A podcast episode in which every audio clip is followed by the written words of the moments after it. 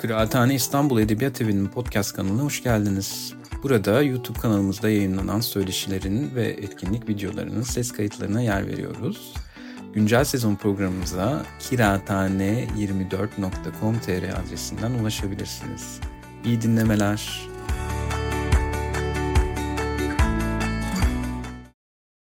Ee, öncelikle hepinize hoş geldiniz demek istiyorum. Melike'ye, Sinan'a ve Kıraathane ailesine bu konuşmayı imkan, bu konuşmaya ön ayak oldukları için özellikle teşekkür etmek istiyorum. Ve herkesten e, bu biraz e, zayıf Türkçemden dolayı da özür dilemek istiyorum. Affınıza sığınıyorum.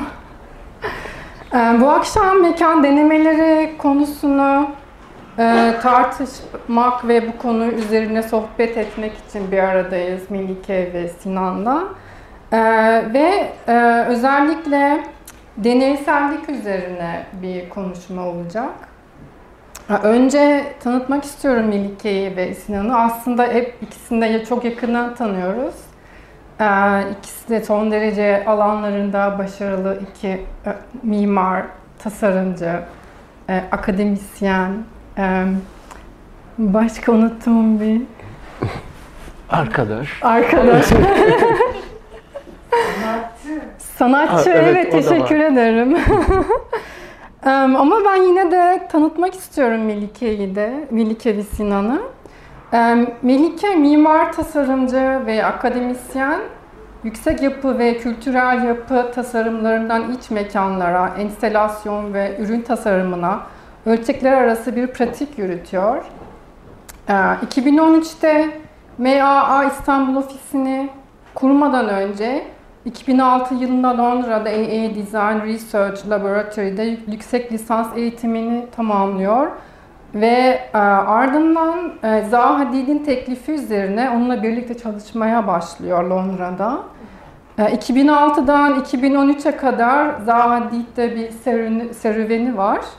2013'te ee, Türkiye dönmeye karar veriyor ee, ve kendi ofisini kuruyor. Ee, İstanbul'a gelmesiyle e, İstanbul Çamlıca Kulesi'ni yaparken buluyor kendisini. Ardından da Seul'daki Robot Müzesi yarışmasını kazanıyor. Sinan e, mimar ve sanatçı akademisyen, kentsel aktivist. Ee, Sinan daha çok resim ve heykellerini tanıyoruz. Fakat Sinan'ın da çok uzun mimarlık pratik geçmişi var. Ee, Brüksel Özgür Üniversitesi Victor Horta Mimarlık Fakültesinden mezun. Ee, ilk mimari deneyimlerini Belçika'da Lescaut Architecture'de gerçekleştiriyorsun. Ve sonrasında kendi ofisini açıyorsun ve yürütüyorsun. 2011 Sonra da batırıyorum ama onu yazmamışım filme. Unutmuşum. Ama onun batmasıyla birlikte Ama onun batması seni İstanbul'a sürüklüyor 2011'de. Um, mimarlık ve sanat çalışmalarına ek olarak yaklaşık 9 yıldır Bilgi Üniversitesi'ne ders veriyorsun. Ee, ve Sinan Yuan Morvan ile birlikte yazdığı Kentin Saçaklanmasını tartışan İstanbul 2023 isimli kitabın yazarı. Ee, ve diğer yandan da Yaşar Adanalı ile birlikte 2015'ten itibaren mekansal adalet üzerinde araştırmalarını yoğunlaştıran Mekanda Adalet Derneği Beyond İstanbul kurucuları arasında ve 2014 yılından beri Ökte Maykut ile çalışmaktadır.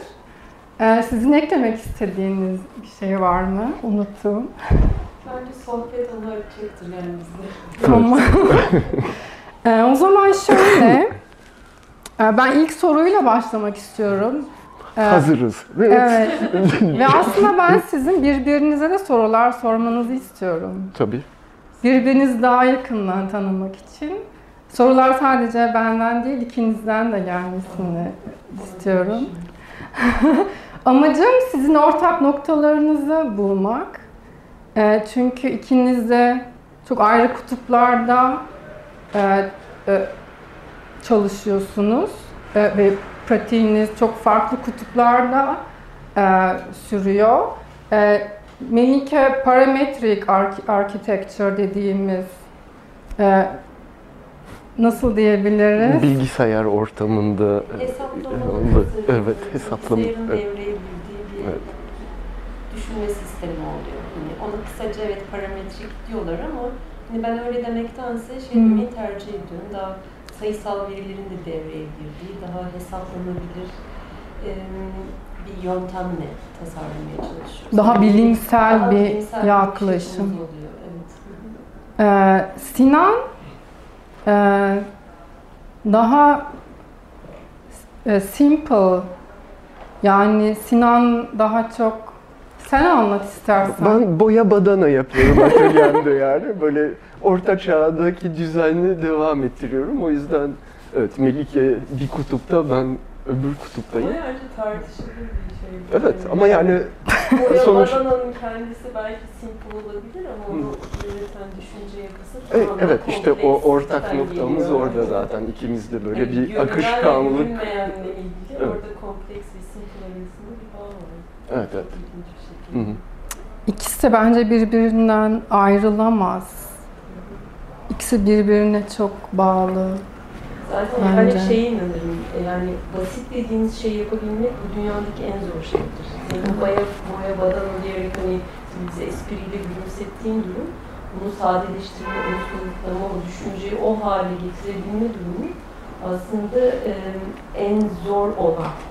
Ve onu kurguladığınız durumda zaten aslında oradan tersten yine kompleks duruma varabiliyorsun. Çünkü orada sistemi kurabiliyorsun, düşüncenin özüne varabiliyorsun ve sonra çoğaltabiliyorsun. Yani Benim bakış açımda böyle bir yaklaşım. Terapi gibi oldu. çok çok sevindim. Kendi adıma öyle Evet.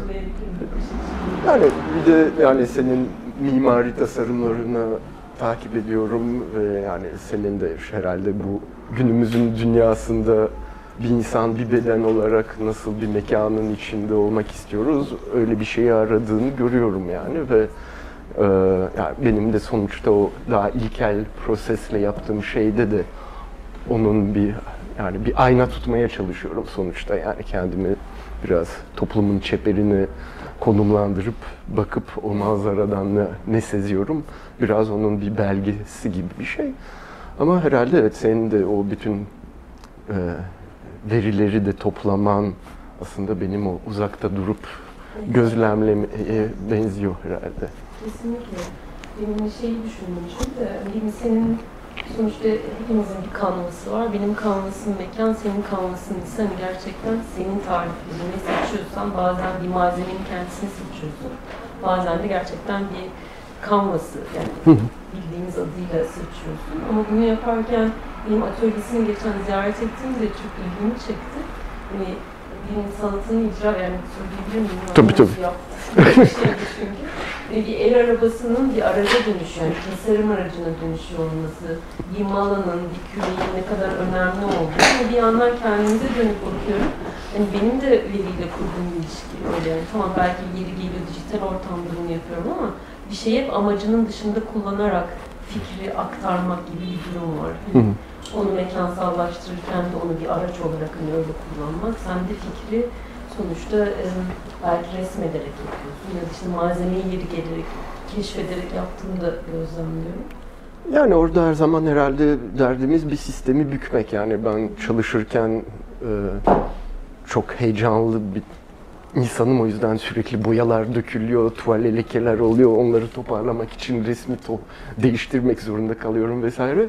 E, Onu merak ediyordum. Sen o bilgisayar ortamını kullanırken acaba kazaya yer açabiliyor musun? Yani çünkü orası o kadar kontrollü bir ortam gibi geliyor ki benim için ama mümkün Aslında demek. o kadar kontrollü de değil. Çünkü Okey. hani belli verileri tabii ki nasıl diyeyim e, öncül olarak seçtiğin verileri kontrol etmeye çalışıyorsun ama onun haricinde de durumlar var ve onları kontrol edemiyorsun. İşte orada olasılıklar Okey. başlıyor. Ve o, o benim için en zengin olan kısmı o olasılıklar dünyasında zaten keşif orada başlıyor. Çünkü görünmeyeni görünür kılmaya başlıyorsun. Sendeki kazalar da aslında görünmeyeni görünür Evet. kılıyor.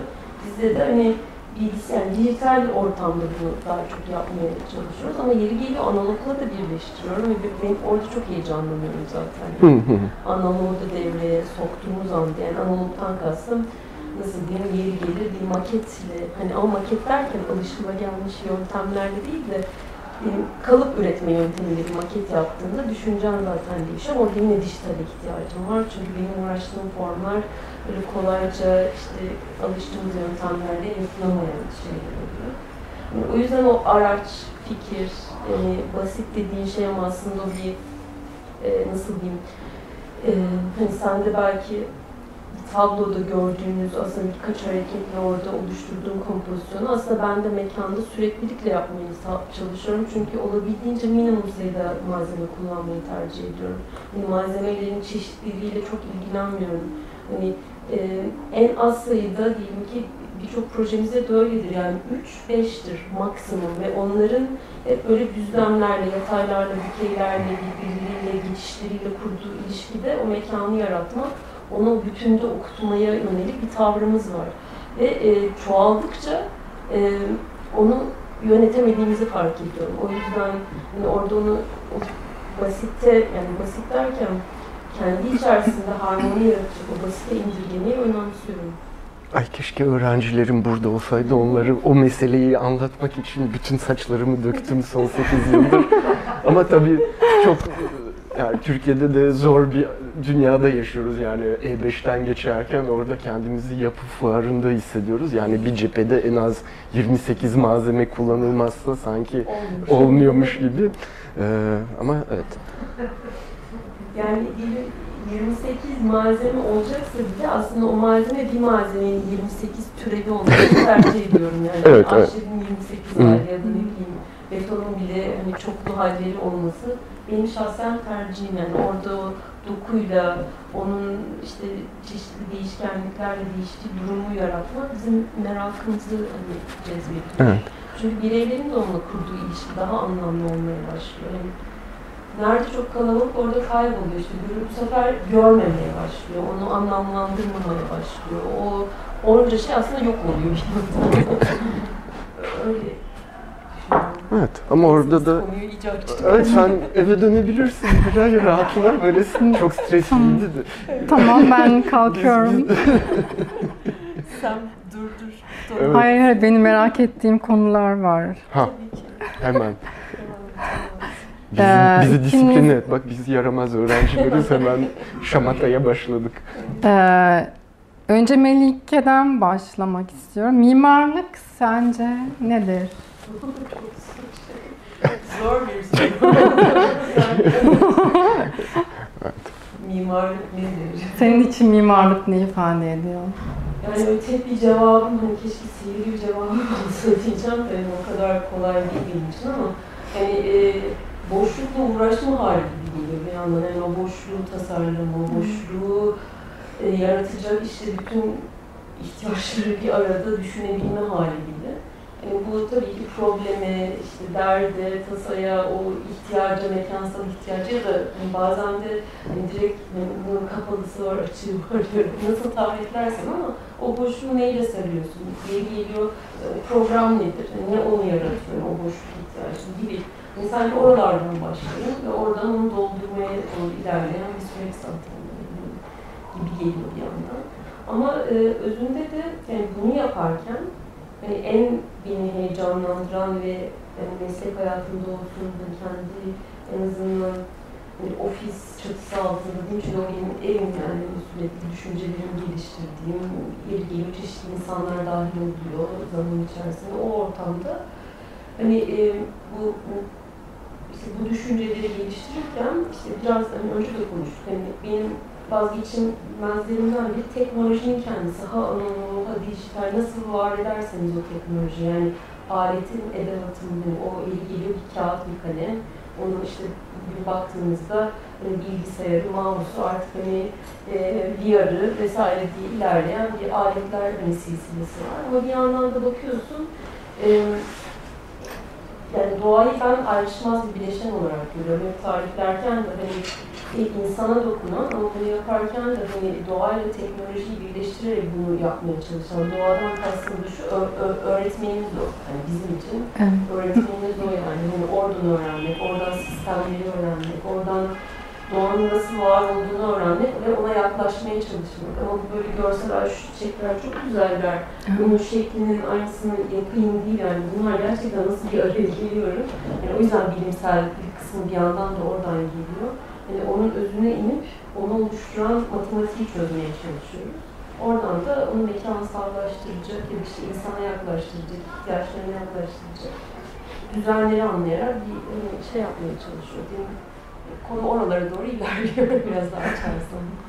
Evet o boşluktan girmek bence çok güzel yani ve sonuçta benim resimlerimde de aslında bazı yüzeyleri boş bırakıyorum, bazılarını dolduruyorum. Ama sonra resim bitince bazen asıl resmin boş bıraktığım alan olduğunu fark ediyorum. Ya belki Gülay'ın buradaki çalışmaların da öyle okunabilir aslında. Yani orada mesele yani hem o demin malzemeliyle kurduğun ilişki veya o boşlukla kurduğumuz müzakere alanı aslında sürekli bir tekrar içindeyiz yani ve o tekrarla hem ustalaşıyoruz hem ustalaşmaktan da nefret ediyoruz yoksa kendimizi tekrarlıyoruz o yüzden sürekli o alışkanlıkları kırıp o boşluğu tekrar bir bükmek yeni bir duygu veya hissiyat yaratmak o herhalde önemli. Hmm, Peki um, sizce mimarlık ne yapabilir? İns ne yapabilir? İleriye dönük. Ha. Bize nasıl bir katkıda bulunabilir? Ee, şu an alıştığımız mimarlık değil de bunun e, bunu biraz gerdiğimizde e, nereye kadar dayanabilir mimari? İnsanla ilişkisi ve e, çevreyle ilişkisi olarak? Hı. Ee, yani mimarlık özünde de feci şiddetli bir şey. Yani sonuçta plana bir çizgi çiziyoruz, orada bir duvar oluyor. Belki 200 kilometrede bir dağın yarısındaki mermerleri çıkarmak için müthiş bir enerji harcanıyor. Sonra şantiyenizi iyi yönetmiyorsanız orada üç kişi iskeleden düşüp ölebiliyor vesaire veya kimin için çiziyorsanız da birden oradaki bina e, topluma hükmetmek ve otoriteyi kurmak için de bedenleri sürekli fısıldayan bir aygıt haline dönüşebiliyor. O yüzden mimarlık kötü elleri düşünce berbat bir şey. Hmm. Öte yandan insanların eline düşünce de topluma bir ayna tutabiliyor veya hatta bedenimizle öbürleriyle kurduğumuz ilişkileri tamamen dönüştürebiliyor. O yüzden müthiş bir şey. Ee, bazen üzülüyorum hatta arada bir tekrar yapmak istiyorum mimarlık. Ee, sonra geleceği bakınca yani orada bence her zaman tek bir cevaptan sakınmak lazım. Özellikle artık modernistlere dönüp bakınca bütün dünyayı bir gridal düzene oturtup her şeyi rasyonellikle çözeceğimize inandık ve büyük bir beyin tutulması oldu yani nasıl bütün şeyleri araba ulaşımıyla çözeceğiz gibi bir yanılsama aslında. O yüzden her şeyi denemek lazım ve yanılmak lazım çünkü hiçbir zaman bu kadar kalabalık şehirlerde ve dünyada yaşamadık. O yüzden nasıl yapacağımızı bilemiyoruz. Sürekli bir şey deniyoruz, yanılıyoruz, tekrar başka bir şey deniyoruz. O yüzden yani hem Melike'nin yaptığı gibi teknolojiyi çok çok iyi kullanarak malzemeyi, insan gücünü ve çevreyi az bozarak çok nitelikli şeyler de üretmek lazım. Öte yandan da gidip kerpiçten de kendi ellerimizle tuğlalar yapıp onları bir yıl kurutup sonra tekrar gidip inşa ederek de çalışmamız lazım. Çünkü bir tanesiyle dünyayı çöz, çözemiyoruz, kurtaramıyoruz.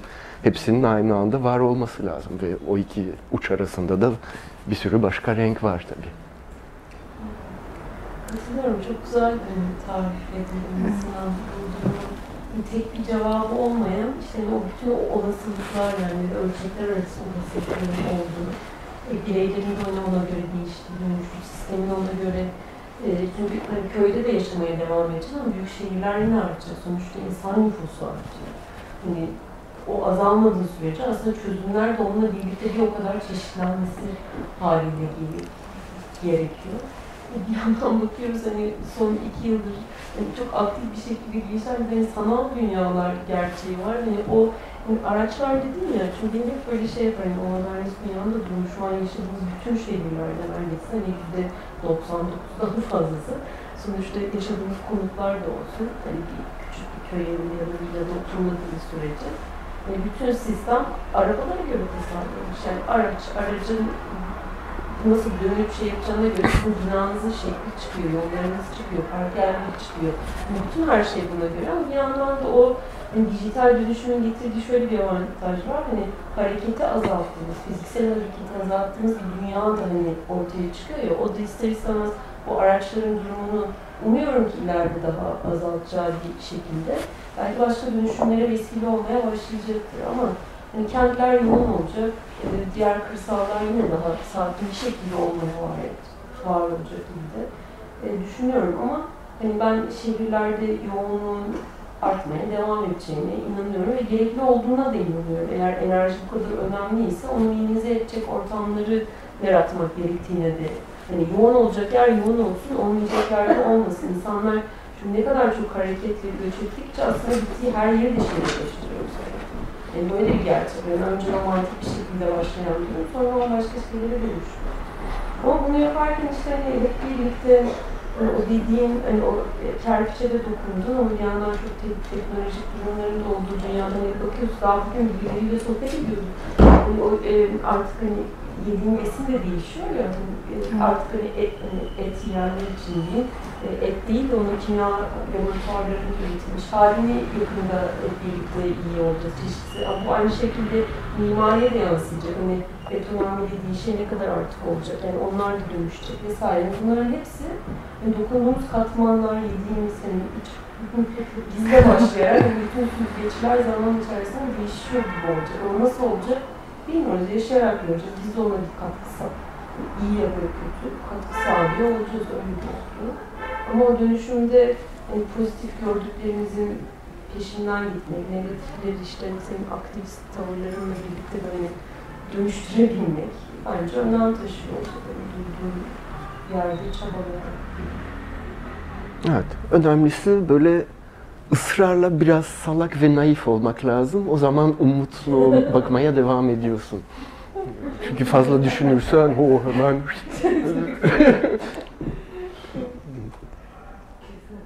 Güzel. um, e, gelecekle ilgili e, İstanbul'u nasıl hayal ediyorsunuz? Pozitif anlamda. Veya nasıl ve İstanbul'un nasıl olmasını isterdiniz?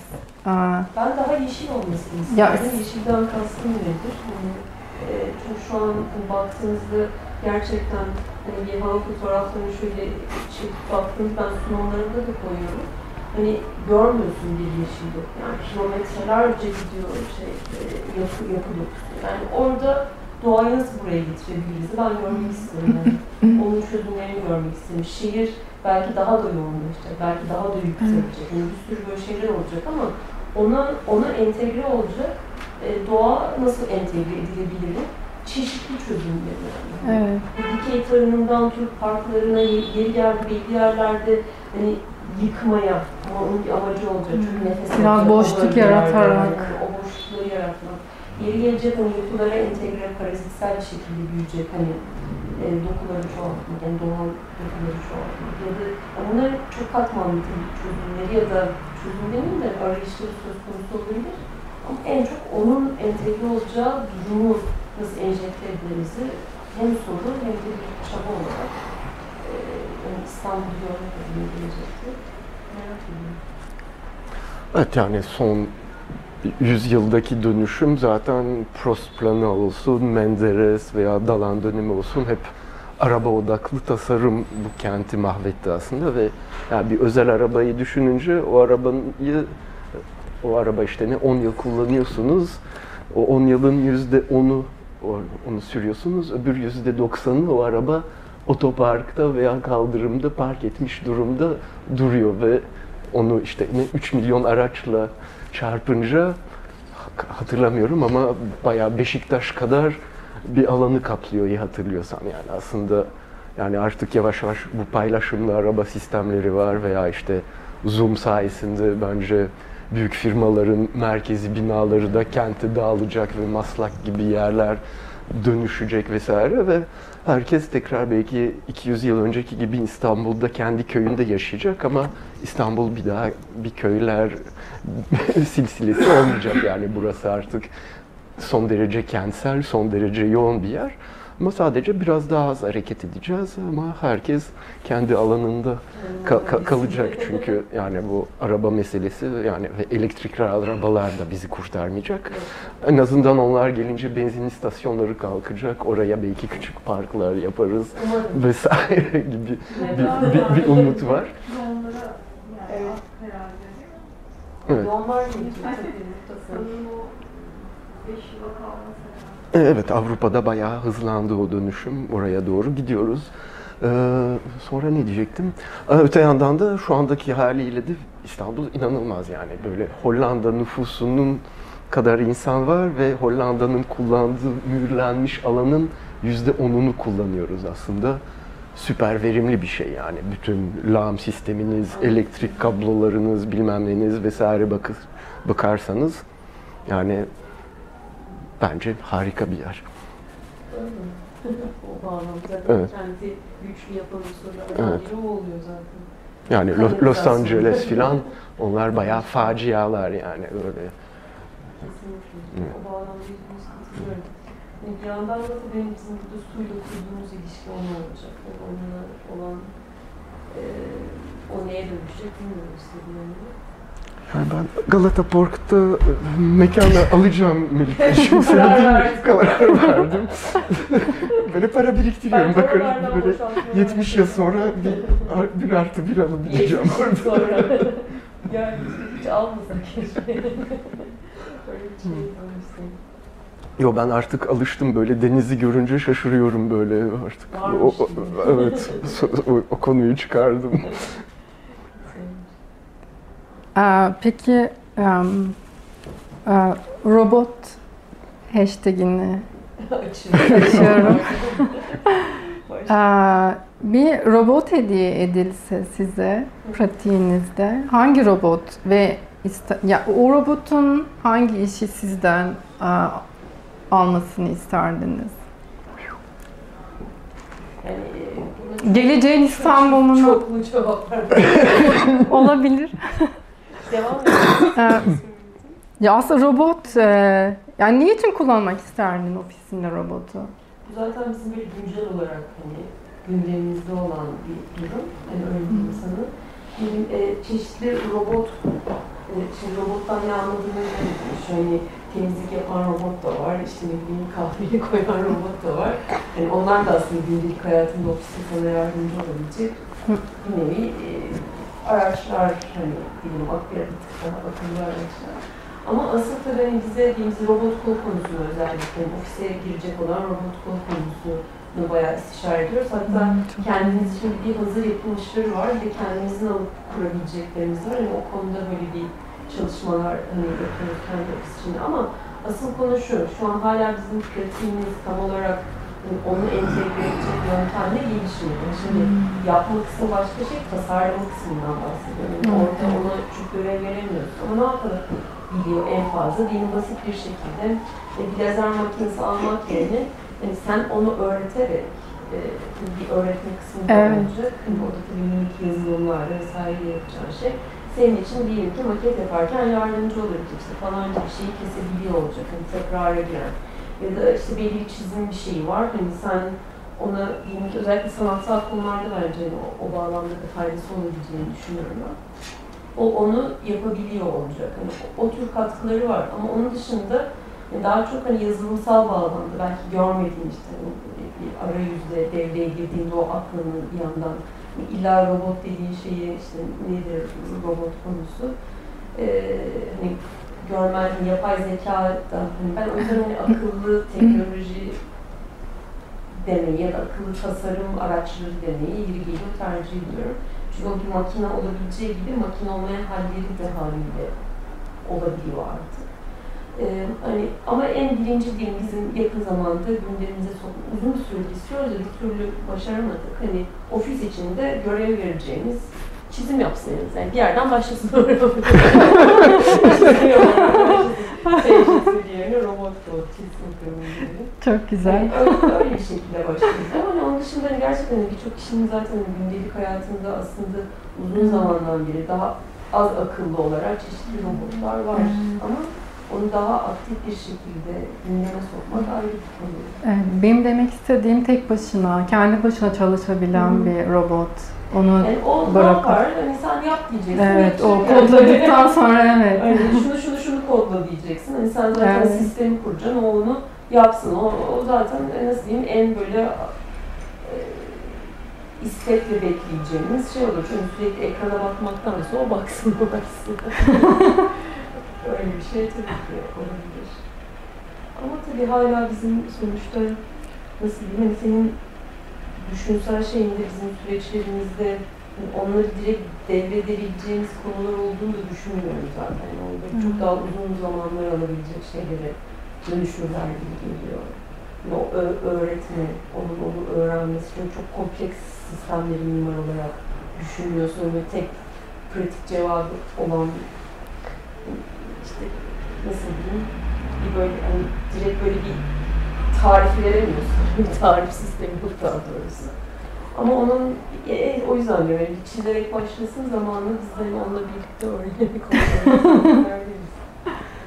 Peki sen Dolapdere'de robotu Robot. ne şekilde konumlandırmak istersin? Kendi Evet, atölyende. bu, bu, bu soruyu hiç beklemiyordum gerçekten ama ya, ya ben ne iletişim özürlüğüm var. Ben insanları yönetemiyorum. Robotla da başa çıkamam bence yani. Geçen yıl atölyeme bir asistan aldım. Böyle beş kere bana yardım etti. Sonra atölyenin anahtarını ona verdim. Gel kendi işlerini ben burada yokken yap dedim. Canlı robot. Çünkü başa çıkamıyorum. Yani, e, ama ama mesela yani robot değil ama teknolojik olarak ne bileyim bir egzoskeletonum olsa ve böyle 95 yaşımda hala böyle büyük malalarla 6 metrelik bir tuvalin üzerine 20 kilo boyayı çekebilsem o zaman bayağı mutlu olurum. Hatta üçüncü bir kol olsa ve onunla aynı anda sigara içebilirsem o zaman varım robota. Böyle bir şey Evet. Hayır, bir de şey hayal ettim sen böyle anlatıyorsun. Evet, aslında hayal etmenizi istiyorum ben biraz. Benim, hani, asıl çünkü atölyesinde şey e, Her şeyi anlatabilirsin. Yo, lütfen devam et, Lütfen. Çünkü kendi öyle bir sistem kurmuş ki yani ben çok etkilendim. Hani devasa masalar var ama belli bir yükseklikteler. Çünkü kendi bedensel ergonomisine göre onları organize etmiş ve tablolarını yaparken onları hiçbir zaman hani karşıdan bakarak yapmıyor. Yani devasa masanın üzerinde duruyor ve o kendi eğildiği bir açı var. Oradan hani o kadar yani, hani gördüğü biliyorsunuzdur Sinan'ın eserlerini hani o kadar oransal ve muntazamlar ki hani sen onu o açıdan bakarak hani onu perspektife edip bir de yapıyorsun ya bu yani çok başka bir düşünce şeyi. Hani şey diye hayal ettim sen böyle oturuyorsun yani hani artık eğilmiyorsun. oturuyorsun sadece aslında küçücük bir kağıt var. Oraya böyle Ha. hani hiçbir şey çizmiyorsun aslında. Aa, yani evet. sadece parmağınla hani hayal ediyorsun. O da onun senin hareketini okuyup aslında Evet. orada yapıyor. Ha. Senin zihnini Evet. o çizimleri yapabilir. o da fena Evet. Geliyor evet. ve hareketi üzerinden Ha, ha, ha. oraya aktarıyor. Renk seç diyor. Yani renk Evet. değiştir diyorsun. O- Ha, evet o da O tam o iletişim. Ama Ama sanki- tabii senin Ama o o keyif egz- başka bir şey. egzoskeletonunu tercih ederim. Evet. Yani Ya belki zihnini okuyup Evet, evet. o iletişim bozukluğu o problemin üzerine belki onu senin zihnini okuyabilme Belki. yeteneği verebiliriz. Valla öyle bir robot biçimi. çıkarsa evlenirim onunla. Ee, bu arada zaman konusunda Tamam çok iyi. İyi mi? Ne kadar zamanımız Çok var? zamanımız var. ne kadar isterseniz. Daha valla zamanla ilgili hiçbir sorunumuz yok. Ya arkadaş robot istemiyor muyuz? Hani bu Kazuo Ishiguro'nun son romanındaki Clara gibi. Yani hani ben daha duygusal düşünüyorum işte yapay zekadan. Bir robot arkadaşım olsa Seul'da böyle şeyler olacak. Olur tabii. Olur. Yani şu an hani direkt konuşulmuş bir şey yok ama yani mutlaka zaten hani bir şekilde insanların hayatlarına giren öyle robotlar var çocukların yani nasıl diyeyim küçük boyutta hele Kore'de o tarz robotları fiil piyasaya bile artık hani şey vermeye başlıyorlar öyle diyeyim. Hani o arkadaşların gerçekten bir nevi e, oyuncak değil mi arkadaşlar? e, iletişim kurabilen arkadaş. Ama bunun çeşitli versiyonları hani sanal şekilde var ama onu fizikselleştirme ihtiyacı insanlar duyuyor. Hani yalnızlaşan şehirlerde ve hani o kalabalıklar içerisinde bir fiil kendine daha yakın hissettiği, kendini en iyi anlayan çünkü tabii ki yapay zekayı kullanıyor. O tarz arkadaşlar zaten çoğalacak gibi gözüküyor. Yani ben şahsen ister miyim? Onun cevabını çok iyi veremiyorum şu an için ama, ama bunların artacağı gözüküyor. Ben öyle görüyorum en azından. E çünkü bir şekilde yani toplum içerisinde kalabalıkların içindeyiz ama bir o kadar da yalnızız. Yani bu bir gerçek olduğunu düşünüyorum. Seul. evet bizim şey robotumuz. Oraya varacaktır herhalde diye bekliyorum. Um, robotla giriş yapmak istedim Evet. Seul'daki müzene. Um, Yani şöyle hani o hani belki hani spesifik bir sorun vardır. benim spesifik sorun Evet. yok. Senin anlatmanı Yani istiyorum o müzeyle ilgili. Bilmiyorum konularda da birleştirince e, hani bundan yıllar çabuk geçiyor. Nereden baksanız yine bir 3 yıl kadar oldu işte 2019 yılının başıydı. Hani Seul'de e, hatta 2018'in sonuydu biz katıldığımızda. E, işte robot ve o zaman adı Robot e, Bilimi Müzesi idi. Şu an artık adını resmi olarak belirlediler. Ro- Robot ve Yapay Zeka Müzesi olarak geçiyor. Ee, şimdi o ilk hani katılım şeyi gerçekleştiğinde hani yani üç tane ana başlık var yani robot, bilim ve müze yani benim hani mesleki olarak hani bugüne kadar geldiğim yerde, hani bulunduğum yerde böyle en ilgimi çeken başlıklar. Çok heyecanlanmıştım. Yani katıldığımızda yani kazandık işte elbette bir sonunda ve şu an inşaat süreci de başladı projenin. Yani, yani güzel bir şuydu ama nereden girsem düşünüyorum. Böyle en heyecanlandığımız nokta zaten bir kere teknolojinin müzesini yapmaya çalışıyorlar ya bunu robotlar için yapmaya çalışıyorlar. Yani siz teknolojinin müzesi nedir ile başlayan bir soru. Hani olur mu? Hani öyle bir yerin müzesi olur mu? Niye ona müze diyelim? Yani geçmişte olsak, geçmişten kastım bir 10 yıl önce olsa belki aynı soruyu sormakta hani bir şey duraksarım ama bugün çok rahat bir şekilde bu soruyu sorabiliyorum. Neden müze diyoruz ona? Ve hani o ilk katıldığımız günden bugüne kadar da yine hala aynı sorularla devam ediyorum ama hani adı öyle geçiyor müze olarak. Şimdi hani bu kadar hızlanmış teknoloji ve siz hani robotları hani öyle bir seviyeye gelmiş ki Güney Kore artık e, yani böylesine robotik teknolojilere ait bir müze yapma ihtiyacı duyuyor. Bu onların ne kadar geliştiğini, bu konuda ne kadar dünya devi markalar yarattıklarını bildiğimiz ve bilmediğimiz tabii ki bazı teknolojiler de hani özellikle yapay zeka konusunda aşırı ilerlemiş e, durumdalar.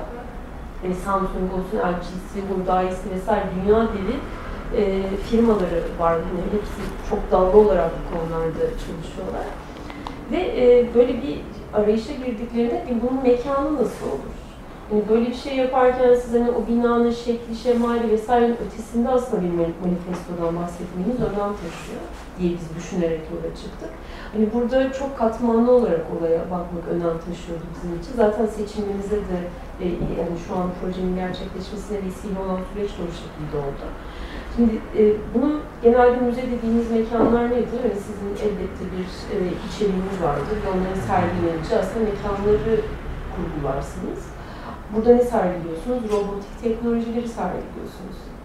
Tamam peki ama hani bu e, her müzede olduğu gibi işte gittikten sonra içine girip insanların dolaşacağı bir mekan mı olmalıdır? Yoksa bu daha hikaye yani sergisi, teknolojinin sergisi çok daha önceden de başlayabilir. Ve bunu kendi mimarisiyle bile yapabilir. Yani robotlar kendi evlerini inşa ederlerken yani olabildiğince o sürece dahil olabilseler ve onu e, yani yapıyla birlikte sergileme eylemi başlasa ve kendilerinin hani orada işte yani müzik bilgiyi sergilemeye başlıyor. Kendileri neler yapabildiğini sergilemeye başladıkları bir şey. Kendi yapısıyla birlikte başlıyor. Ondan sonra onun içerisine giriyor ve onun içerisinde sergilenen nesneye dönüşüyor. Ve e, aralarından kimileri de orada hizmet ediyor işte nedir işte e, kahvesinden tut biletlemesine vesairesine hani yol gösterimine e, çoklu katmanlar oluşturabiliyorsun. Ve bu, bu zaten olabilecek bir güçte. Hani geldiğimiz nokta belki bütün yapıyı hani e, taşıyıcısıyla her şeyi inşa edemiyoruz şu an. Hani o, o ölçekte ama yapabildiğimiz birçok katmanda bunu gerçekleştiriyoruz. Nedir? İşte peyzajındaki betonundan tut, cephesindeki panellerin takılımına, işte içindeki şapının atılmasına bir sürü şeyde görev verebiliyorsun. Hani drone'u uçurup onu proje müdürü olarak hani şu an sahaya insan olarak atıldığın durumu orada proje müdürü görevini onunla verebiliyorsun. Ama bunlar hep böyle bilginin daha tasarımın en başında. Yani bizim bu daha yarışma aşamasındayken fikri oluşturduğumuz noktada başlayan bir kurgu bu yani. yani hmm. Ve orada işte binayı nasıl kurdun diye biz böyle elip, eliptik bir evet. şekli var. O da hani e, sınırsız olması fikri üzerinden çıkmıştı. Yani biz orada bir kutu da koyabiliriz. Evet. Çünkü o aslında şekilden bağımsız bir durum yani burada anlatmaya çalıştığım şey ama biz yine de onu sınırsızlığı tarif etmesi ve yani onun daha evrensel olma durumunu temsil etmesi dolayısıyla da ve hani daha zor bir şey yapabilecekleri kapasiteye sahip olduklarının da biri olarak bilmesi önemliydi. Çünkü düzlemsel bir şeyle biraz eğildiğimiz bir düzlem, yani yüzeyi yapma hali bile, hani şu an bile uğraşsak zor konular. Neyse hani oradan başlayarak hani robotlar hayatımıza öyle daha aktif bir şekilde, hani daha doğrusu akıllı düşünme, tasarlama ve yapma eylemleri diyeyim ve bunu sağlayacak olan, gelişmiş olan teknolojik araçlar devreye giriyorlar ve hani projelerde o şekilde var oluyorlar. Sonra sergilenecek içinde e, öğretiyorsun. Hem kente de öğretiyorsun. Yani performatif bir duruma dönüşüyor. Dinini en heyecanlandıran unsurlardan biri o oluyor. Diyelim kulede biz o durumu, o performatif durumu belki biraz daha analog bir şekilde de hani buna göre ama gerçekleştirdik. Hani binayı hani 369 metre yüksekliğinde bir kuleden bahsediyorsun. 200 metrelik kısmı aslında yapısal alan, 169 işte anten eyleminin olduğu yer ama orada mekanları kapsayan kısımları biz böyle 3-4 katlı bloklar halinde kulenin dibinde aslında inşa edip sonra yukarıya kaldırmıştık. O da kent ölçeğinde bir performansa görebilen için, hani onu takip edebilen için aslında öyle bir bilgi üretimine dönüşmüştü. Onun başka versiyonunu ama daha gelişmişini şimdi robot müzisi üzerinden gerçekleştiriyor olacağız öyle. Bir adım. Mekanı tasarlarken hangi verileri kullandınız? Özellikle robotların hareketlerini mi?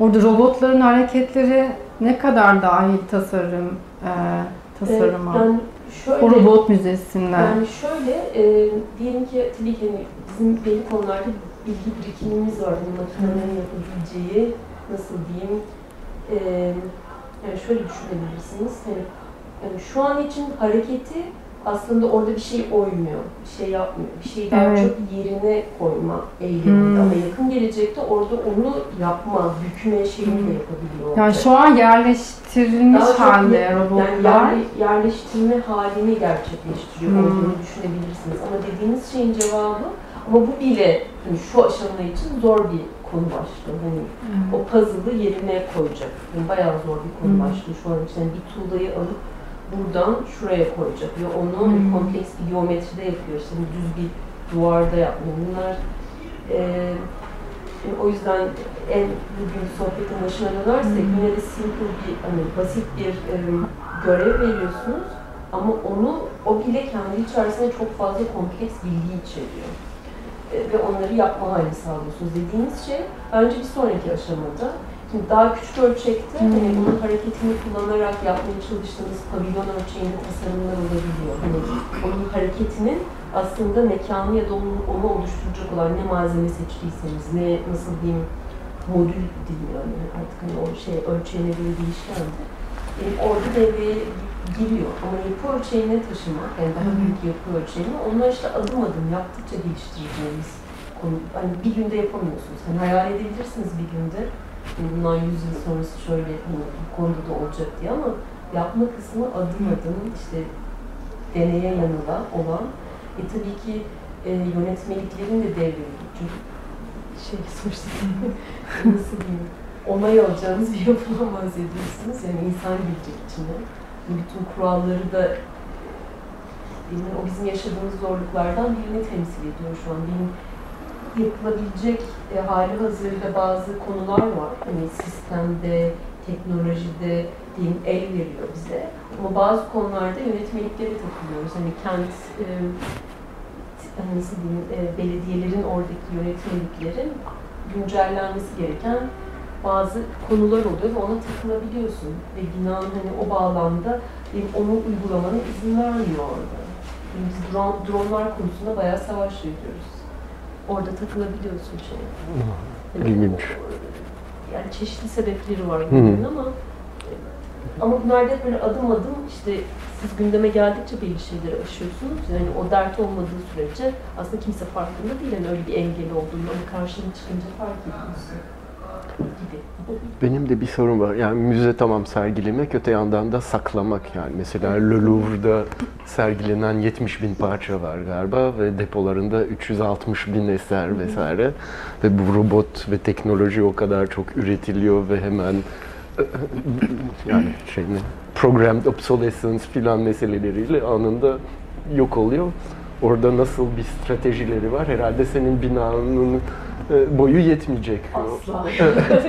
Bence yüzde birini bile yetmez. Yani yüzde birini bile yetmez. O yüzden zaten müze denme durumu Hani burası bana göre olsa olsa bir gözlem merkezi. Evet, hmm. panoptikon gibi düşünün. Yani benim kentin değişik yerlerinde aslında hani bütün fabrik. Çünkü hmm. tek bir konunun da müzesi değil. Yani teknoloji olabilir ana başlık ama teknolojinin içerisinde spesifik bir konuya ait müze olabilir değil mi? Öyle de değil. Yani teknolojinin müzesi. O zaman bu daha çok bir gözlem merkezi olduğunda bana göre de anlam kazanıyor. Yapacağı hani o arşivleme konusunda da. O yüzden daha çok dijital arşivin bence hakim olabileceği bir yapıya sahip olma durumu bu, bu yapı için. Ve robotlar için bir performans alanına dönüşüyor. Okay. Nedir? İşte Hyundai'nin, Samsung'un vesairenin bir hastanenin ya da herhangi bir üniversiteye bağlanıp onların aslında kendi içlerinde arşivleri olup onların gözlemlenebileceği yani bir birey geldiğinde tamam belki e, geçici sergiliyorsunuz ama hani temporary olma hali yani geldiğinde hani orada bir gündem vardır ve o gündemin orada sergilendiği bir içerikle bir fiil karşılaşır. Bir de kalıcı kısım vardır ama o minimumdadır. Ama asıl şey hani oralara bağlanıp hani bunu bir merkez olarak kurduğunu düşünüyorum. O yüzden mer gözlem merkezi demek istediğim sebep. Yani bana göre öyle bir bakış açısı, e, öyle bir yapının ve öyle bir konumun daha aktif olabileceği ve bunları da türeyebileceği. Yani o müzeler o bağlamda teknoloji, yani teknolojinin müzesi dediğin şey öyle olursa ve türediğinde yani sayıları arttığında daha anlamlı yerlere dönüş. Yani bir yandan da eğitim merkezi olmaya başlıyor. Evet, Sen biraz laboratuvar. LG belli şeylerini açıyor. Sen illa LG'ye gitmiyorsun. Hani oraya geldiğinde birçok şeyi aynı anda gözlemleyebileceğin bir yere de dönüşebilme şansı çıkıyor. Gibi bir bakış açısı şu an için söz konusu. Ama tabii bu e, ne derece e, oradaki ana yani Seul Büyükşehir Belediyesi'ne ait bir hani ana nasıl diyeyim e, ne diye geçiyordu onların adı Türkçe'yi şey yapamadım şimdi. Bütün bu hani sergi şeylerini yöneten ana bir kurumları var. Tabii onların oradaki söz kısmı da çok önem taşıyor. Yani onlarla birlikte biraz daha şekilleniyor. Öyle bir durum düşünüyorum. Peki bitimi ne zaman olacak? Yani şu anki e, iş takvimine göre 2023 Temmuz ayları gibi. Peki daha var. üretirken robotlar İşliyor mu? Veya ben e, ilk gördüğümde robotların çalıştığını görmüştüm. Yani şöyle, Robotlar ne kadar da aynı ediliyor yapım süresi, sürecinde? Yani şöyle düşünebilirsiniz. ee, bir sahada üretilen şeyler var. Hı-hı. Bir de saha dışında üretilenler var. Şimdi saha dışında üretilenler de zaten robotik teknolojilere yer veriyorsunuz. Hı-hı. Ama burada ana farklılaşan kısım onların bir kısmının sahada yapılabiliyor olma hali. Hani e, bu onu daha özel duruma getiriyor evet, zaten. Yani orada görünür olmak, o göründüğü noktada onu hatta bilgi olarak kendiyle paylaşma hali. Yani onu o noktada sergi denen bana göre Hmm. yapım aşamasındaki sergiye dönüştürme hali öyle anlarda başlıyor. Ama bunu sürekli yayınlama şeyine karşılar. Ama belli aralıklarla hani bunun yayınlan nasıl diyeyim 15 gün işte neyse bir ay onun paylaşılacağı o bilginin anları bulmamaya çalışıyorlar doğrusu zaten. Yani o böyle kritik oluyor. Şimdi orada nedir? Ne görev alıyor? İşte cephesine paneli takma hali. İşte biraz önce de bahsettiğim gibi hani betonu dökme hali gibi durumlardan bir fiil görüyorsunuz onu orada. O da bir bana göre bir eğitim kaynağına dönüşüyor zaten. Yani yerinde yapmak. Çünkü saha dışında yapar korunak bir yerde. Çünkü siz onu açık hava koşuluna koyduğunuz anda dahi bütün sistem e, şu an error verebilecek bir pozisyonda. Çünkü hani, makinelerin Tabii. işleyişiyle ilgili bir durum. Yani o açık hava kapalı, yani on-site, off-site dedikleri şey de orada farklılaşıyor zaten. Yani direkt olarak birbirinde. E, Biz en azından bu e, hani bir nevi zorlu koşulların bir kapısını aralamış olduk. O da tabii ki bir gündem oluşturuyor. Hani onlara Ya, Ee, bir küçük e, müdahale yapabilir miyim? tabii ki ben za- buyur. Dayanamadım, çok merak ettim Buyur. bu soru çünkü zaman Evet. azalmaya başladı. Tabii.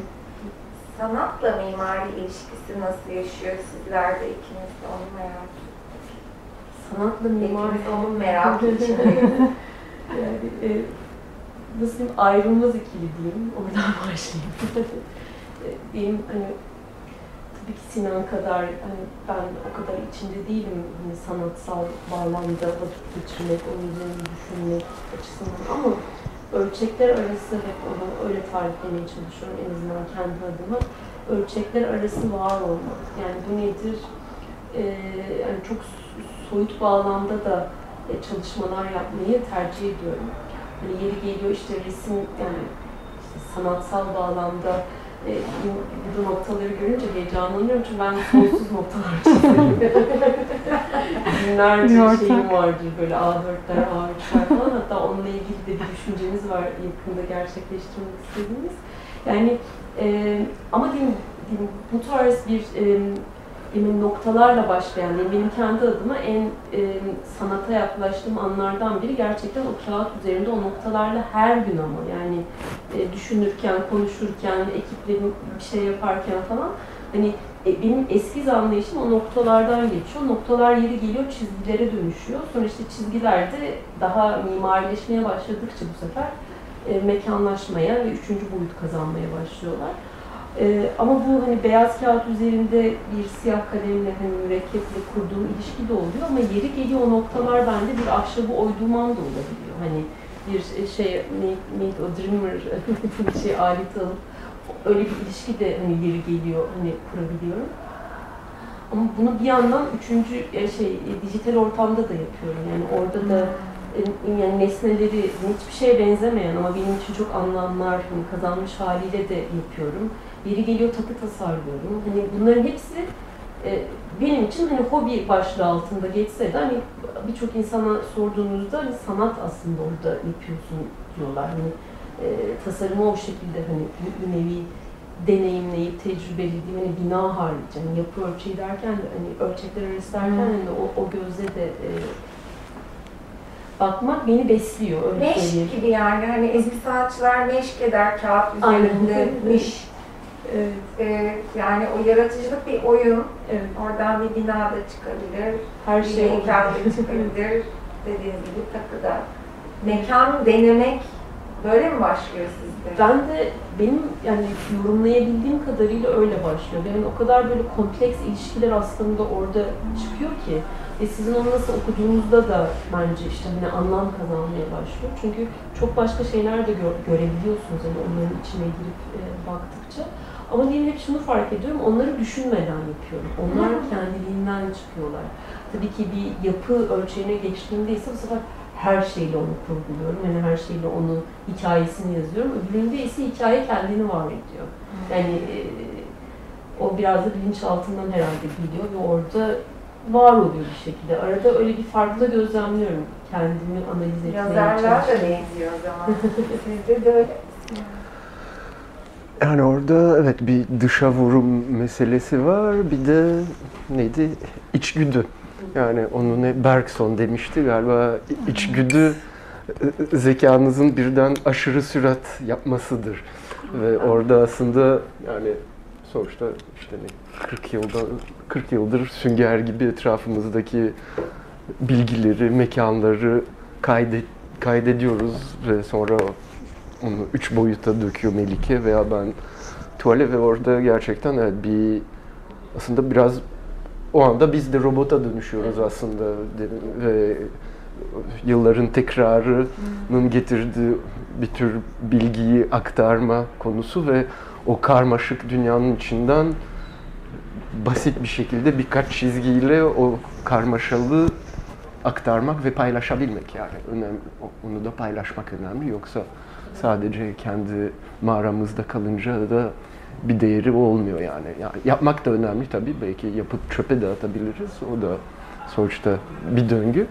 Ama ekmek parası için de kolay değil. o problem de var tabii. evet. Ama e, ama yani işte hem mimarlık yapıp sonra sanata geçtim.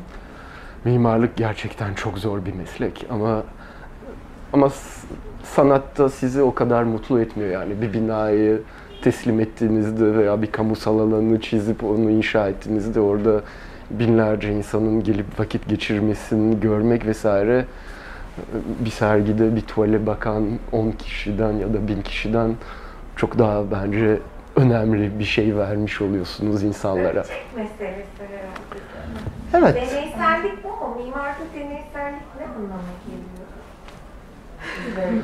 İşte her şeyi deneyip yanılmak yani bence burada da ilginç yani Gülay bazen resmin dışına fırlayan bir dünyadan bize küçük bir alan tasvir ediyor. Sonra birden daha platonik formlara geçiyor. Yani demin o kerpiç mimari ve teknoloji mimari veya Melike gibi akışkan yapılar veya daha anıtsal formlar. Yani te- tek tek bir tek bir doğru yok o yüzden hepsini denememiz lazım yani. Aynen. Hepsi deneysel. Evet.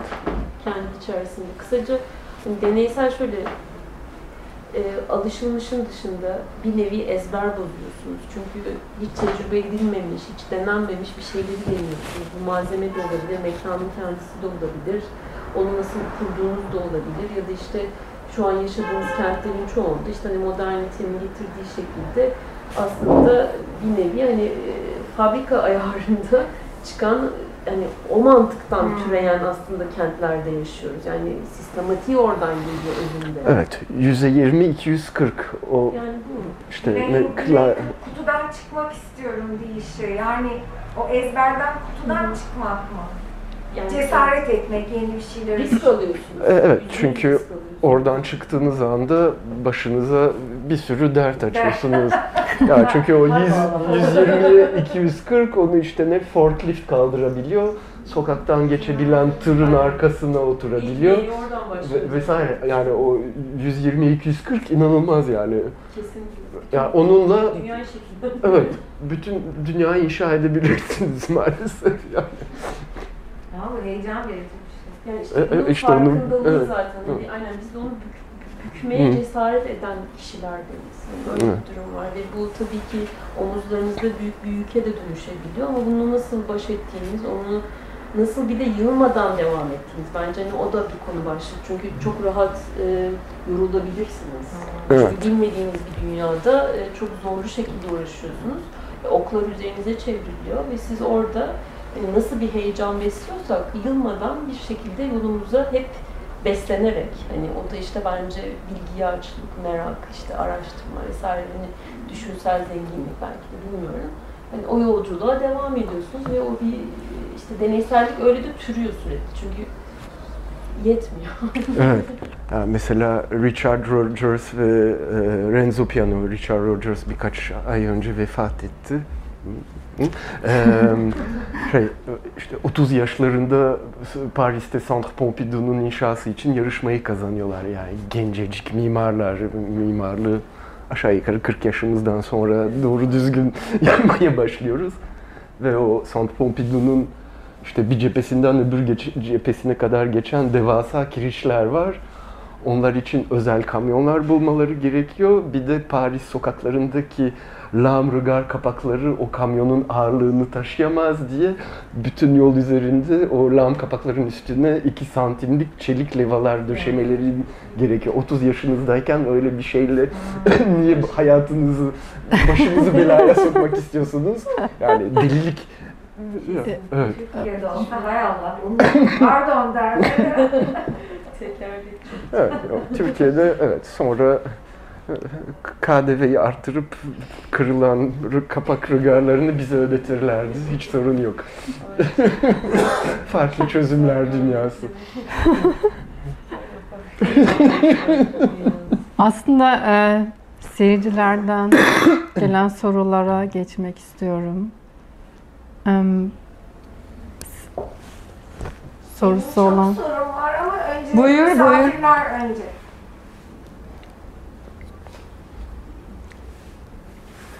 Ben sorabilir miyim? Mimarlık harici bir şeyden geliyorum, da background'dan geliyorum. Ama şeyde bahsettiğiniz e, o robotik e, müzede donmuş bir mekan şeyi var mı hazır?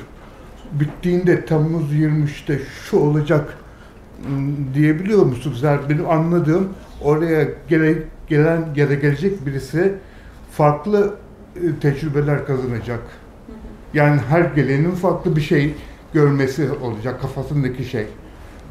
O olayı gerçekleştirme imkanı olursa mekanı da değiştirme imkanı olabilecek mi?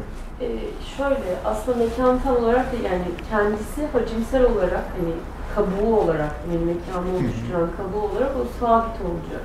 Ama e, sergi alanının kendisinde elbette hani birçok müzede olduğu gibi hareketli alanlar, duvarlar olacak ama yani sizin tam hayal ettiğiniz şekilde o bir dönüşkenlik içermeyecek, öyle söyleyeyim. Kendi içinde o sabit olacak ama içinde sergilenenler elbette çeşitli teknolojilerle değişken zaten olacaklar ya da hareketli zaten olacaklar. Ama sanırım doğru anladıysam tam sizin az önce tasvir ettiğiniz şekilde bir mekanın hareketi olmayacak. Öyle diyeyim size. Yani içerik e, farklı olacak. Aynen. Ama mekanların Mekan. buradaki gibi duvarları aslında hani sabit bir yere Hı. dönüşecek. Ama o yapılana kadar geçen süredeki bunu hani burada nasıl bir diyelim ki tuğla ustası gelip onun üstüne koyuyorsa orada da işte robota verdiğiniz görev onu bir farklı yapıyor. Hani nasıl diyeyim orada bir söz söylüyor. Yapı kendisi bir söz söylemeye başlıyor. Bildiğim kadarıyla yani işvereniniz size bir brief veriyor. O brieften e, çıkardığınız bir öneri oluyor. Aynen. O taslak şeyini acaba o bahsettiğiniz robot şey yapabilir mi? O seviyeye gelebilir mi yapay zekayla? İleride olur. Olacaktır da yani. Çünkü orada ne Ya olacak? o rep- repetitif olaylardan çok yaratıcıya yönelik. Hı hı. Bence ileride olmaya başlayacaktır hani belli Benim düşüncem şey gibi, e, o ya biyolojik olmayan bir şey size bir ilham veremez Hı hı. gibi düşünüyorum. Anlatabildim mi? Anlıyorum. Oradaki İl- il- ilham- sınır. Ona yüzde yüz katılıyorum. Yani o ilham Yani bir form finder olarak kullanı, kullanılabilir mi robot ya da yapay zeka? Form finder olarak e, kullanılır. Ama işte orada onun son kararını verecek olan o olamaz. Hani ben öyle düşünüyorum. Hmm. E, hani işte buduru diyemez. Onu diyecek olan yine insandır. İnsan. Onu kuran yani o diyeyim, form finding prosesini kuran insan son kararı verecektir. Ama o prosesi yaparken o yapay zeka ya da robot işte devreye girecektir. Yani bu bu yüzde yüz olacak da ama e, son kararı ben yüzde yüz o sistemi kuran kişi yani ben ona mimar diyorum o karar verecektir. Bir de müteahhiti mutlu etmek için kaçak metrekare kazanmak lazım. Anlayamaz onun için gerçekten burada, burada yaşamak lazım. Beyefendi çok deneysel bir soru sordu. Evet. Sürekli değişen bir bina yapılabilir mi? Kendini değiştiren bir bina. Yani öyle Şekil değiştiren. Yani küçük ölçekli yerleştirmeler yapılıyor böyle Duvarlar duvarlar, tavanlar vesaire ama gelecekte sürekli değişen e, o kadar kolay olamıyor ama Evet. neden olmasın diyeyim ben imkansız olduğunu düşünmüyorum. Evet, ama orada şey yağmur var. O bütün binaların kuralı yağmuru yukarıdan aşağı içeriye ıslatmadan yani indirmeniz şeysi lazım. O böyle 7000 yıldır değişmedi. Öyle değişmedi. Bence ıslatabilsin. Nasıl? Ee, ıslatabilmeli de. Belki Ha, de çok ıslat- korunmamamız gerekiyor bir açık bir mekanda. Aslında Resmin ıslanırsa üzülürsün Hmm. bence. ya mekanı ona göre kurgulamak, e, yani ıslanabileceği şekilde aslında Evden dışarı çık. örneği var üst katta. Öyle bakalım o zaman. Göster bize. Senin ha bu soru. Ben bir soru soracaktım. Gitgide daha çok dijitalleşen bir dünyada yaşayacağımızı öngörüyoruz. Peki e, dijital dünya eğer bizi birçok açıdan tatmin edecekse, e, öyle bir boyuta vardıktan sonra e, fiziksel olarak sanat için de geçerli, mimarlık için de geçerli. Üretmek ne kadar kıymetli olacak bizim için size göre? Bence daha kıymetli olacak. yani her birinde üretiyorsun. Yani Evet. e, ikisinde de üretiyorsun ama bence değerinin daha önemli olacağını düşünüyorum. Fizikselde yaptığımız her şey. Çünkü dokunabiliyorsun ve gerçekten dokunuyorsun. Öbürlerinde nasıl diyeyim sana o duyguyu aşıladıkları çeşitli yöntemler geliştiriyorlar. Yani beş duyuna hitap edecek şekilde ama gerçekmişçesine ama olmayan bir ortamı yaratmak için çabalıyorlar. Ama hiçbir zaman gerçekte ürettiğin, kurduğun, yani ben hep şey diyorum yani auranı paylaşamazsın orada ya ama birebir hani yani insanın birbirine aktardığı enerji başka bir şey yani. O zaten hani üretmek dediğin şey de hani bireysel olarak bile üretsen hani o malzemeyle fiziksel kurduğunda hani ben hep bunu enerji üzerinden yorumluyorum da o başka bir şey. Yani o yüzden orada alacağın keyif de orada üretirken aynı şeyi tamam dijitalde de yapabileceksin o hayatta başka şeylerde kolaylıklar sağlayacak ya da dünya adına, çevre adına, korumacılık adına katkıları olacak ama öbür türlü diğeri ya onun tecrübesinin değeri artacağını düşünüyorum yani orada olabilme hali, onu orada fiziksel olarak yapabilme, ona dokunabiliyor, o iletişimi o şekilde kurabiliyor olmanın ki her ne kadar dijitalle çok ilişkisi olan bir insanım ama onun çok en değerli olacağına inanıyorum. Bir şey daha Tabii. Peki mesela e, ben kendi adıma söyleyeyim. Biz e, dijitalde doğmadık ama şu anda dijital pratiği yapıyoruz. Yani benim birkaç neslim sonrası belki eline e, kağıt kalem almayacak. Çünkü şu an işte çocuklar tabletle bir şeyleri karalıyor. Şimdi o zaman hani atıyorum 50 sene önceki mimarlık eğitiminden geçen veya işte sanat eğitiminden geçen bir insanın o edindiği o tecrübe, o meditatif etkisi, o kurduğu ilişki ve bağlar hani daha sonrasında aktarılacak mı yani? Onu hiç deneyimlememiş olacak belki insanlar. O zaman için bir değeri kalabilir mi? Bence o zaman keşfedecekler. Yani hani bu teknolojide tabii birkaç küçük sorunumuz var. Yani hepimiz dopamin bağımlısı olduk. Ee, e, ve doğru.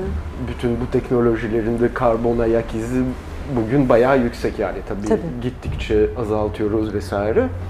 Ee, öte yandan tabii bedeni kullanmak ve yani kullandığınız mecraya göre de beyninizin farklı bölümlerini çalıştırıyorsunuz. O yüzden yani böyle hadi hayal kuralım bir Rönesans adamı ya da insanı olabilmek için işte hem atlet olmanız lazım hem felsefeci hem sanatçı vesaire.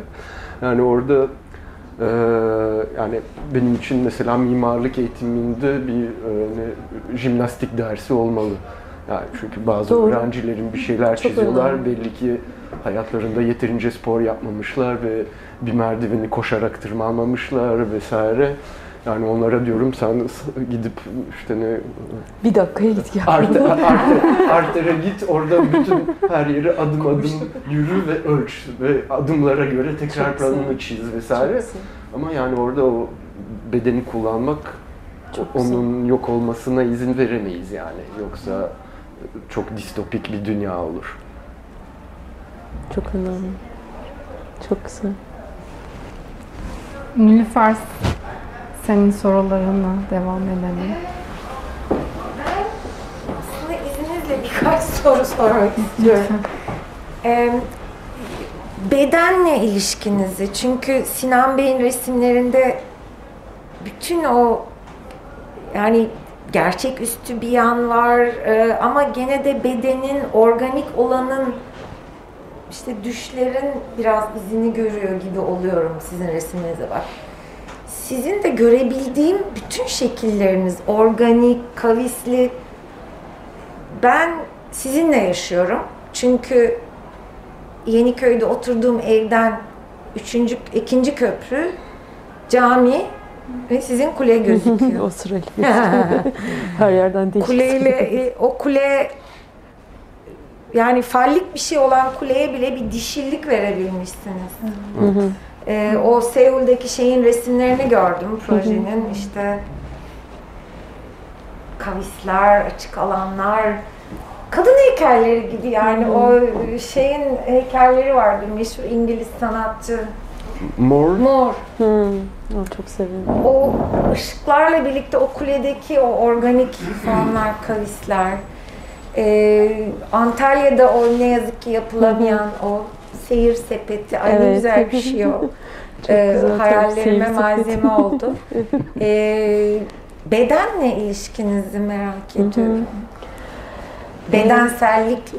Evet. Yani belki hani onu direkt hani beden üzerinden tasvirlemiyorum ama hani o o akışkanlıklar şeyler hani benim için e, hani doğadan ilham alma dediğimiz konuya hani tekrar döneceğim de e, hani baktığımızda nereden hani şey yapsam diye düşünüyorum. Hani baktığım her şey hani kentin dışında baktığım her şeyde o akışkanlığı görüyorum zaten. Hani belki doğanın kendisi dişi bilmiyorum hani onu nasıl tariflersiniz ama hani oraya oradaki o akışkanlık, o süreklilik, birbirinin içine sürekli dönüşen, tek bir tarifi olmayan aslında bin bir tane şekilde de tarifleyebileceğiniz bir akıcılık içeriyorlar ya hani siz orada kadın bedeni dediğiniz hani orada bir eğrisellikler söz konusu. Ama aslında hani ben onu bilimsel olarak açıklasam derim ki size oradaki bütün rüzgar verilerini aldık. Ben saatlerce anlatırım size onu. Ama o aslında kendi doğasının bir sonucu olarak çıkıyor ortaya güzel. yani o Ama şey akıcılık var. dediğiniz şeyde cinsiyet yok. bende yok O, Benim ben yanlış sordum aslında. soruyu. Sadece Hı hı. kadın sağlık değil o. Akıcılık cinsiyetsiz bir şey ya Evet. da Hı hı. e, Yani bakış açım da o şekilde. bir Aynen. şey yani. Benim bakış açımda da öyle zaten. Yani hani hiçbir zaman onun dişi erkek diye hani herhangi bir şeyi hani baktığımda tariflemem. O göze bakmıyorum ama onların birbirini bütünleme halini tariflerim. O yüzden diyelim bana sorduklarında hani kadın mıdır kule öyle çünkü sizin de tarifinize benzer bir şey geldiğinde ben her ikisi de diyorum. Evet. Çünkü benim için öyle bir e, şeyi e, nasıl diyeyim bütün bütünselliği tarifliyorlar. Hani yaptığımız bir- birçok tasarım için yani belki de hepsi için diyebilirsiniz. Evet, organik. Yani sonuçta baktığınızda hep böyle hani organik bir plastisitesi olduğundan bahsedilir. Yani e, tasarımların ve ne çizsem yani neye dokunsam e, öyle düşünüyorum. Yani nasıl diyeyim düşünce sistemim öyle geliştiği için e, belki de hani bir kutu hiçbir zaman çizemeyeceğim bilmiyorum. Yani hani konu on- ona ona ona bile varabilir. Hani ona gelebilir. Hani bu hani iyi kötü anlamında değil ama o hani e, benim düşünsel varoluşumun bir yansıması olarak bu şekilde çıkıyorlar. Ona ilgi duyuyorum. Oradaki kompleksliğe ilgi duyuyorum. Onun hani her yerden baktığınızda size farklı bir hikaye sunabilme gücüne ilgi duyuyorum. Diyeyim o kule Asya'ya bakan yüzü Avrupa yüzün bakan yüzünden farklıdır. Nereden bakarsanız aslında başka bir silüet görürsünüz. Hep Hani değişiyor. kendisi statiktir ama baktığınız yere göre aslında dinamiktir. Yani hani bu bu çelişkileri, tezatlıkları içinde barındırıyor olma hali de hani diyeyim bizim için e, benim bakış açımla önem taşıyan bir e, yanı var. Ama e, cinsiyetsiz bir bakış açısı aslında benimki hani özünde. Ama e, belki de hani erkek denen şeyi hani çok sert hatlar vesaireyle çok ilişkilendiren bir toplumsal hani bakış geliştiği için hani tek bize de özgü değil dünyada bu şekilde olduğu için hani onun biraz da olsa bir eğriselliğe bürün- büründüğünde hani sistemin dışına çıktığında o kadınla ilişkilendik. Tabii hani bu başka bir tartışma konusu ama e, ben daha ortada bir yerden bakıyorum. Cinsiyetsiz, evet. Cinsiyetsiz ben yanlış bakıyorum. sordum Yo ne demek? evet. Ne demek? Ya ben e, Neden? Zaten ben hiperaktifim. O yüzden sürekli kımıldamam lazım ve o, o- o- herhalde o yüzden ofisimi batırdım. Çünkü o bilgisayarın önünde oturmak bitti bir gün. Benim en iyi Deliriyordum. yaptığım şey Zaten saat 5'te çıkıp kaykay yapmaya başlıyordum. Halbuki ciddi bir mimar saat 7.30-8'e kadar hatta daha geç ofisinin dümeninde durması Ama lazım. seni hep hayal etmişimdir ha. Ben yaparken olmasın Evet. şey. Yani o yüzden yani bütün hayatım yani küçüklüğümden beri kaykay yapıyordum. Artık biraz sakinleştim. Şimdi daha çok kentte yürüyorum vesaire ve bu hareket halinde olmak vesaire o benim böyle işte ne köpek balığı da durursa nefes alamıyor biraz öyleyim. Ve herhalde o çalışma biçimimi de etkiledi tabii o büyük tuvallerle böyle malalarımla savaşıyorum. Bazen saatler sürüyor, bazen iki hamlede büyük bir alanı boyayabiliyorum o kullandığım alete bağlı vesaire ama o e, gerçekten o fiziksel güç vesaire evet herhalde resimlerim biraz erkil yani böyle artık beyaz heteroseksüel erkek olmak çok moda dışı oldu biliyorum ama ne yapalım öyle yetiştirildim. Böyle şey. Ama beden tabii yani her şey oradan geçiyor ve mimarlık tasarlarken de aslında o kaykayla yaşadığım o performatif ilişkiyi de her zaman biraz zorladım. Mesela bazı tasarımlarımda mahsus işte ne 17 santim yüksekliğinde basamaklar yapacağıma 40 santim yüksekliğinde 60 santimlik büyük basamaklar tasarladım ki orada bir mekandan öbürüne geçerken birden beden, Hı hı. bedene bir mesaj gelsin işte artık başka bir düzleme geçiyorsun ve burada senden biraz bir performans bekliyorum gibi şeyler. Aslında o iki mekanda biri çocukların oyun alanıydı, öbürü de anne ve babanın yemek odası. Orada da büyükler de aşağı inerken bir kiriçe vurmak riski taşıyorlardı. O yüzden kafalarını eğmeleri lazımdı vesaire yani orada yani bir oyun ve bedenle oynamak aslında. Çok güzel. Süper. Mimarinin güzelliği. Sorunuz var mı? Ben bir şey daha sormak istiyorum. Kusuruma bakmayın. Lütfen. Ben hayatımda bir tane mimarlık kitabı okudum. O da Japon Arata Izuzaki'nin Mimaride Japonluk. Hani Bruno Taut gitmiş işte efendim Japonlar mesela kalıcı bina inşa etmiyorlar eskiden. Onların bir tane meşhur tapınakları var. 20 yılda bir yıkıp tekrar yapıyorlar başka bir yerde işte tanrıçayı çağırıyorlar bir mekan. Yani onların o şamanik geçmişleri ama Japonlara baktığımız bir zaman biz robotlar görmeye alıştık. Neyse adam çok güzel çözmüş. Batı bizi nasıl etkiledi? Batı bizi nasıl tırnak içinde bozdu? Bozmadı. Ne getirdi? Japonluk Batı gözüyle oluştu diyor adam. Japonya'nın en meşhur mimarı bu. İnanılmaz bir kitap o. İyi de bir mimar diye düşünüyorum ama ben tabii mimariden bir şey Evet, anlamadığım evet. için. Türk mimar, yani mimaride Türklük diye bir şey var mı? Ya şunu şöyle sorayım. Ee, işte e, bir dönem mimarisizleşmiş bir toplum burası çünkü. Ama muhteşem de mimarlar üretiyor. Ee, Sedat Hakkı Eldem'in işte efendim Taşlık'taki e, şark kahvesi işte bizim Yeniköy'de bir tane villa var modernist. Devamlı onun duvarlarından şey yapıyorum ben her yürüyüşümde. Muhteşem mimarlar üretmiş ama mimarisizleştirilmiş bir toplum bir aşamada. Şu anda neredeyiz? Ee, mimaride Türklük diye bir şey yok herhalde ama o adamın tarif ettiği şekilde. Ama o Bence sen gir. Tamam. biz biz Japonluğu Batı gözüyle kurduk diyor adam resmen yani biz ne yaptık? Yani burası ne yaptı daha doğrusu biz demeyeyim de. Yani Japonya müthiş bir kültür. Bayılıyorum ama Japon olmadığım için de her gün şükrediyorum yani.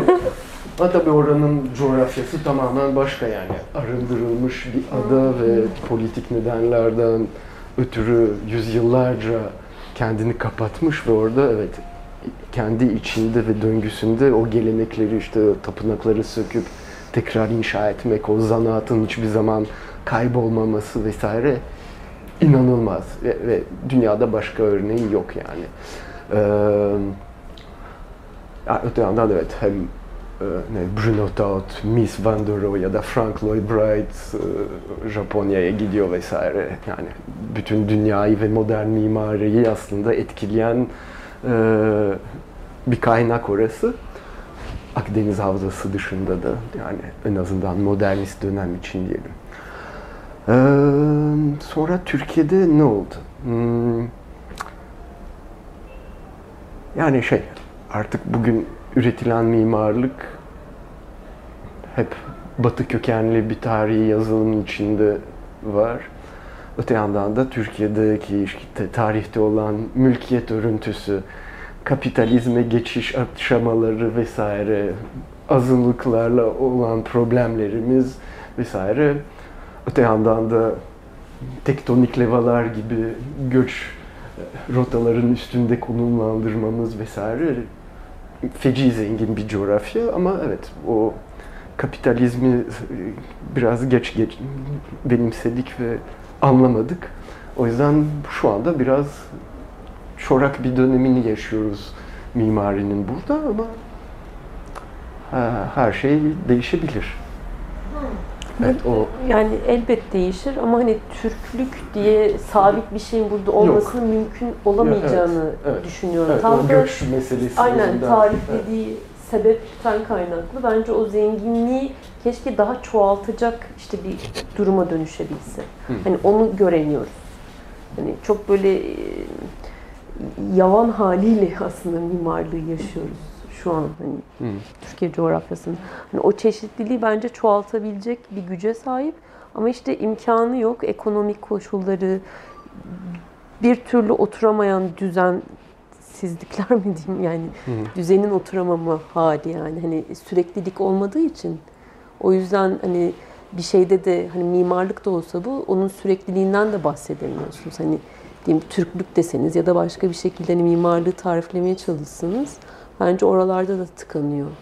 Evet. Ama en azından o çeşitliliğin çoğaldığı bir zenginliği keşke daha çok çoğalabilse. Hani mimaride de diyeyim size. Çok güzel bir nokta. O süreksizlik, kopuş bir anda özgürlük de yaratıyor. Tabii, tabii. Katılıyorum. Evet. Şöyle bir şey, şimdi adını hatırlamıyorum. Ottu kökenli bir yazarın böyle modernizmde çevirinin, tercümenin yeri diye bir kitap var. Muhteşem bir kitap. Orada da mimardan, işte Bruno Taub'dan, Almanların falan vesaire aslında bu bir çeviri sorunu. Hı hı. Yani Isozaki onların bakışıyla, bir çeviriyle kurduk kültürü diyor. Aslında Türkiye'de de öyle bir şey söz konusu. Mimaride bu nasıl yansıyor? Yani bir şey çizerken herhalde siz işte eski Türk mimarlarından esinlenmiyorsunuz ya da dakikayı düşünmüyorsunuz ya da neyse Yok. ama o kopuş bir özgürlük mü getiriyor bir yandan? Ee, yani ama Öyle tavrın aynı de. olabilir. Yani Tabii. Sedat Hoca SSK'yı tasarlarken gidiyor arkadaki mahalle örüntüsüyle bir bağ kurmaya çalışıyor. Melike'de kulesini tasarlarken oradaki farklı coğrafi koşullarla bağ kurmuyor. Yani aslında o yere ait olma derdi herhalde iyi mimarların hepsinde var. Sadece onu farklı şekilde dışa vuruyorsunuz. Aynen. Ben onu şey olarak hani hatta geçen sene e, Uğur Tanyeli ile bir söyleşimiz olmuştu da orada bunu biraz gündeme getirmiştik. Hani ama başka bir yerden bakarak şimdi çok çünkü çok iki tezat şeyi birbiriyle bağdaştırdı da hani oradan yola şeye gireceğim. Hani bağlam dediğiniz şeyi icat edebiliyorsunuz. Evet. Hani, evet. Bu evet. öyle bir şey yani. Zaten hani, hiçbir şey gerçek değil yani. Evet. O yüzden hani Diyelim biz orada doğayla kurduğum yani oradaki onu oluşturan, onu çevreleyen işte hani 369 metre yükseklikte neyle il- il- iletişim kuracaksınız? Hani Hı. kentin hangi öğesiyle? Doğasıyla kuracaksınız. Rüzgarıyla, depremiyle vesairesiyle. Ve oradan kendinize bir bağlam icat ediyorsunuz. Oturduğu yani tepenin üzerindeki topografya eğrileriyle en fazla iletişim kuruyorsunuz. Yani öyle bir şey var. Ama dediği gibi Sedat Hakkı Aldem'in de kurduğu yakın çevresindeki işte hani oradaki haliyle ölçeği gereği oradaki dokuyla kuruyor ve kendine bir bağlam aslında icat ediyorsunuz. Hani o noktada hani neye baksanız benzerlik kurabilirsiniz ama bu bir fiil hani şekliyle, fikrinin tekrarıyla yapılan bir çoğaltma hali değil de yani o kritik şey orada başlıyor yani. Hani bir- İcat etmek nefis bir cevap. Evet orada evet so- sorunsal icat ediyoruz veya Aynen. evet. Güzel. Son minik Buyurun. Böyle Uğur bir şey atar mısınız ikiniz de resimlerinize ya da temele? O- ben bir nazarlık. Şey, idrak edemedim. onu, onun şakasını yapacaktım. Ya bazı kültürlerde sadece deve kesip inşaata başlarsanız o bina iyi olacak gibi bir inanç vardır. Şey. Evet. Ben imza gibi kastediyorum. Yani kişisel şaka hani ben şu Yok. içine Hı. Bende yok da ekipte bazen şey yapıyorlar. Hani dijital data kaydediyorlar şeye. Aa, çok Hani iyi. bir, bir böyle kod şeyi ol yani nasıl Hı hı. anlatayım? Öyle arkadaşlar vardı. Yapmayın diyorum hani ben de görmüyorum çünkü. Hı. Koyduk falan diyorlar. Hani, Çok komik. hani anlatabiliyor? Evet, Hani evet. kodun içine yani gö- hiçbir zaman görmeyeceksiniz ama onun içinde var değil mi? Öyle şeyler yapan ekipte yani. yani bir nevi ama hani onu ben bile görmüyorum da hani onu koyan ekipte arkadaşlarımız oluyor ama benim öyle nasıl diyeyim hani o tarz bir yaklaşımım olmadı ama genelde e, merak ediliyor tabii bu. Hani bir, bir köşeye yazmışsındır, bir şey yapmışsındır. Ben yani atölyeye gidince işte bir, büyük bir tuvali masaya serip önce etrafında 20 dakika yürüyorum böyle ve sigara içiyorum pıf pıf pıf. Sonra yeterince zehirlendim ve başım dönmeye başlayınca resmi başlıyorum ama yani orada aslında orada gerçekten bir meditatif Totem süreç var Totem, neredeyse bir, totem. bir, bir ta- tavaf yapma gibi vesaire ve orada Ee, evet yani orada bayağı bir transa giriyorum aslında. yani Şamanik bir durum var. benim kurduğum ilişki evet o, o tarz pek olmuyor. Hı hı. Ama e, böyle bir hani nasıl diyeyim onu gelecekte hayal etmeyle ilgili bir şey oluyor. Onu böyle çok resmettiğimde oluyor. Hani öyle hı. bir E, evet. ilişki oluyor yani. Evet yani orada da demin senin bahsettiğin o yani böyle ne işte 105 santimlik masalar işte çünkü Evet. belim sakat masanın ortasına kadar Aynen, malamla erişebilmek için böyle tasarladım onları. Ee, ve ve re- resimleri evet yamuk görüyorum sürekli o yüzden etrafında döne döne işte o çizgiyi eskizimde böyle böyle acayip. çiziyorum ama masamda gözümün yanılsamasını hesaplıyorum aslında ve her şeyi böyle kurguluyorum ve sonra da o anda da bir koreografi tasarlıyorum çünkü işte hangi çizgiyi nereden nereye çekeceğim ve bedenimle işte bir de atölyemde bazı yerlerde 3 adım atamıyorum, bazı yerlerde 4 adım atabiliyorum filan. Bütün resmin geometrisini de o atabileceğim adımlar çünkü bazen 3 2 metrelik süpürgelerle boyayı çekiyorum vesaire. O yüzden arkamda mekanın olması lazım vesaire. Yani sonuçta bilgisayar da bizi Çok bazı ilginç. şeylerle sınırlıyor. Atölyem de beni bazı koşullarla sınırlıyor. Hep onları çözmeye çalışıyoruz yani. Çok ilginç. Ve ben sırf şunun üzerine hani ben bir yazı ve şey hatta nasıl diyeyim bir diagramatik ve bir anlatı çıkabileceğini düşünüyorum. Ha, evet, üstüme bir şey tracking cihazı koyup orada Öyle gölgeler, efektler, hareketleri hareket da- mapi mi diyeyim artık Evet. yani.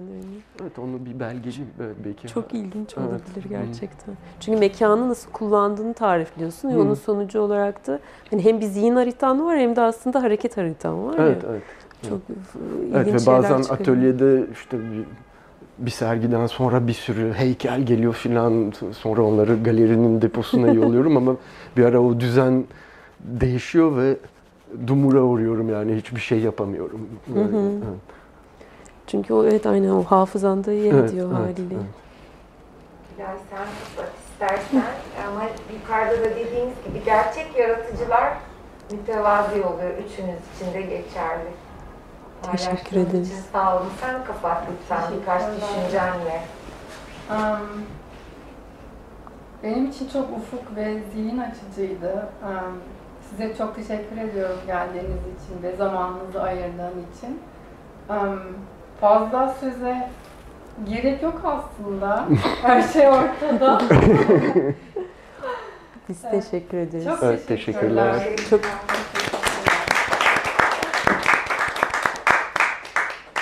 çok keyifliydi.